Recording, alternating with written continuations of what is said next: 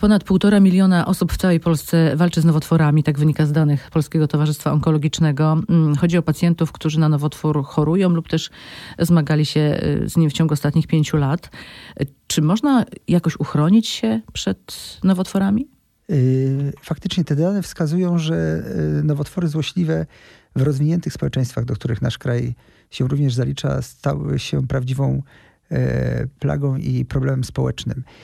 E, zasadniczo e, jest szereg różnych zaleceń, które pozwalają obniżyć ryzyko wystąpienia nowotworu. Jednak musimy pamiętać o tym, że żadne z nich nie daje stuprocentowej gwarancji uchronienia się przed nowotworem. Jednak to, co nauka nam przynosi, dzisiejsza współczesna wiedza, w wielu przypadkach jesteśmy już od urodzenia narażeni na większe lub mniejsze ryzyko powstania nowotworu, a więc genetyka ma tutaj swoje duże znaczenie. Trzeba pamiętać o tym, że yy, nawet jeżeli ktoś posiada większą skłonność, większe predyspozycje w kierunku rozwoju nowotworu, to tryb życia, unikanie pewnych, pewnych yy, zachowań, które sprzyjają rozwoju nowotworów, yy, będzie stanowić to, to, to, tą właściwą drogę, tą właściwą To ścieżkę. czego powinniśmy najbardziej unikać w naszym życiu? No powiem truizm, ale nałogów i stresu, co jest oczywiście najtrudniejsze, e, gdyż e, nasze obserwacje wskazują na to, że e, w największym stopniu na rozwój nowotworów złośliwych wpływa nasz tryb życia, a więc to, co jemy, to, czym oddychamy, to jak długo wypoczywamy, to jakie mamy relacje w pracy, w rodzinie, a więc ten poziom stresu narażenia również e, w jakiś sposób wpływa na, na e, wzrost ryzyka, ryzyka rozwoju nowotworów. A wśród nałogów, których powinniśmy się wystrzegać, to jakie? Jeżeli weźmiemy pod rozwagę te najczęstsze nowotwory, no to przede wszystkim to, co chyba już jest dla wszystkich wiadomym, a więc unikanie palenia papierosów, czyli profilaktyka mm, zachorowania na raka płuca. E, ale e, również e, odpowiednia dieta. Uważa się, że w tej chwili nasze spożycie białek, zwłaszcza białka zwierzęcego, jest jedną z podstawowych przyczyn wzrostu zachorowania na, na nowotwory jelita grubego, które stanowią drugą co do częstości przyczynę zachorowań na nowotwory złośliwe wśród, wśród Polek i Polaków. Ponadto często też nowotwory są wywoływane poprzez nasze, mówię tutaj nasze o lekarzach, nasze lecznicze działania, więc czasami leki, które przepisujemy, w dłuższej perspektywie niestety zwiększają ryzyko powstawania nowotworów. Stąd musimy, musimy zwracać uwagę na ten balans pomiędzy tym, co jest e, zdrowe, a tym, co, e, co, może, nam zaszkodzić. może nam zaszkodzić. Bardzo ważne są badania profilaktyczne. My Polacy tak nie za bardzo lubimy się badać.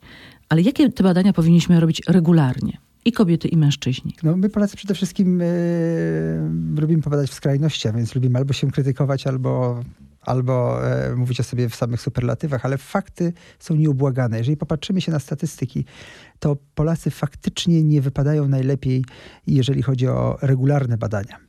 A więc e, tutaj niestety przykładem są programy profilaktyczne, które są od lat finansowane przez, e, przez Ministerstwo Zdrowia, gdzie e, bardzo trudno jest osiągnąć ten wymagany 70-75% pułap skuteczności tych badań. Stąd wydaje się, że nieustanna rola edukacyjna mediów, lekarzy jest tutaj kluczowa, aby powtarzać cały czas. I, A te i podstawowe badania, jakbyśmy mogli tak e, wymienić, które powinniśmy robić? Mm, uważa się, że skuteczną profilaktykę wtórną, czyli wykrywanie nowotworu na bardzo wczesnym etapie, albo nawet wykrywanie zmian nowotworowych, dają w przypadku profilaktyki raka jelita grubego dają badania endoskopowe, a więc przede wszystkim kolonoskopia. Natomiast w przypadku najczęstszego nowotworu wśród kobiet, a więc raka piersi, to jest, to jest mammografia. To są te badania, które dają, e, które dają e, największy, najwięcej korzyści osobom, które regularnie się poddają. A mammografię robimy jak często i od jakiego wieku?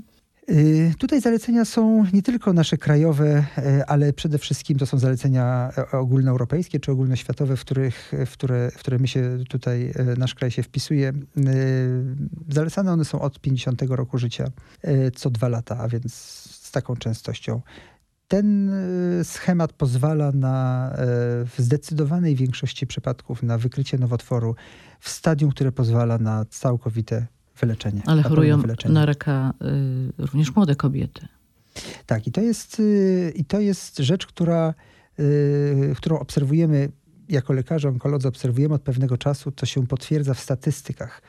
E, najnowsze rejestry mm, Krajowego Rejestru Nowotworów również te statystyki potwierdzają, że w przypadku na przykład raka piersi coraz częściej młode kobiety zapadają na ten nowotwór. Czy w takim razie mammografia nie jest wskazana wcześniej?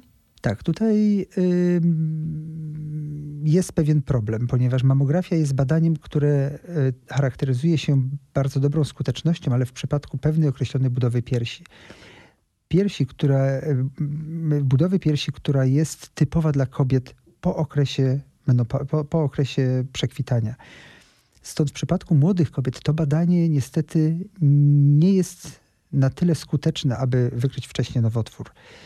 Na całe szczęście posiadamy inne techniki, takie jak, takie jak ultrasonografia, czy w tej chwili nowo rozwijane różne badane techniki mm, wczesnego wykrywania nowotworów, które e, mamy nadzieję e, będą skuteczne w wykrywaniu, wczesnym wykrywaniu nowotworów również u młodych kobiet.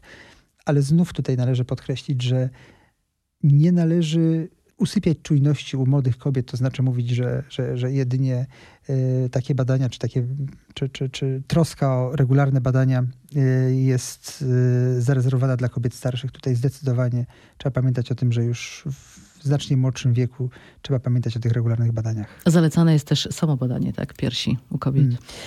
Tak. Tylko jest... czy my umiemy się badać tak naprawdę?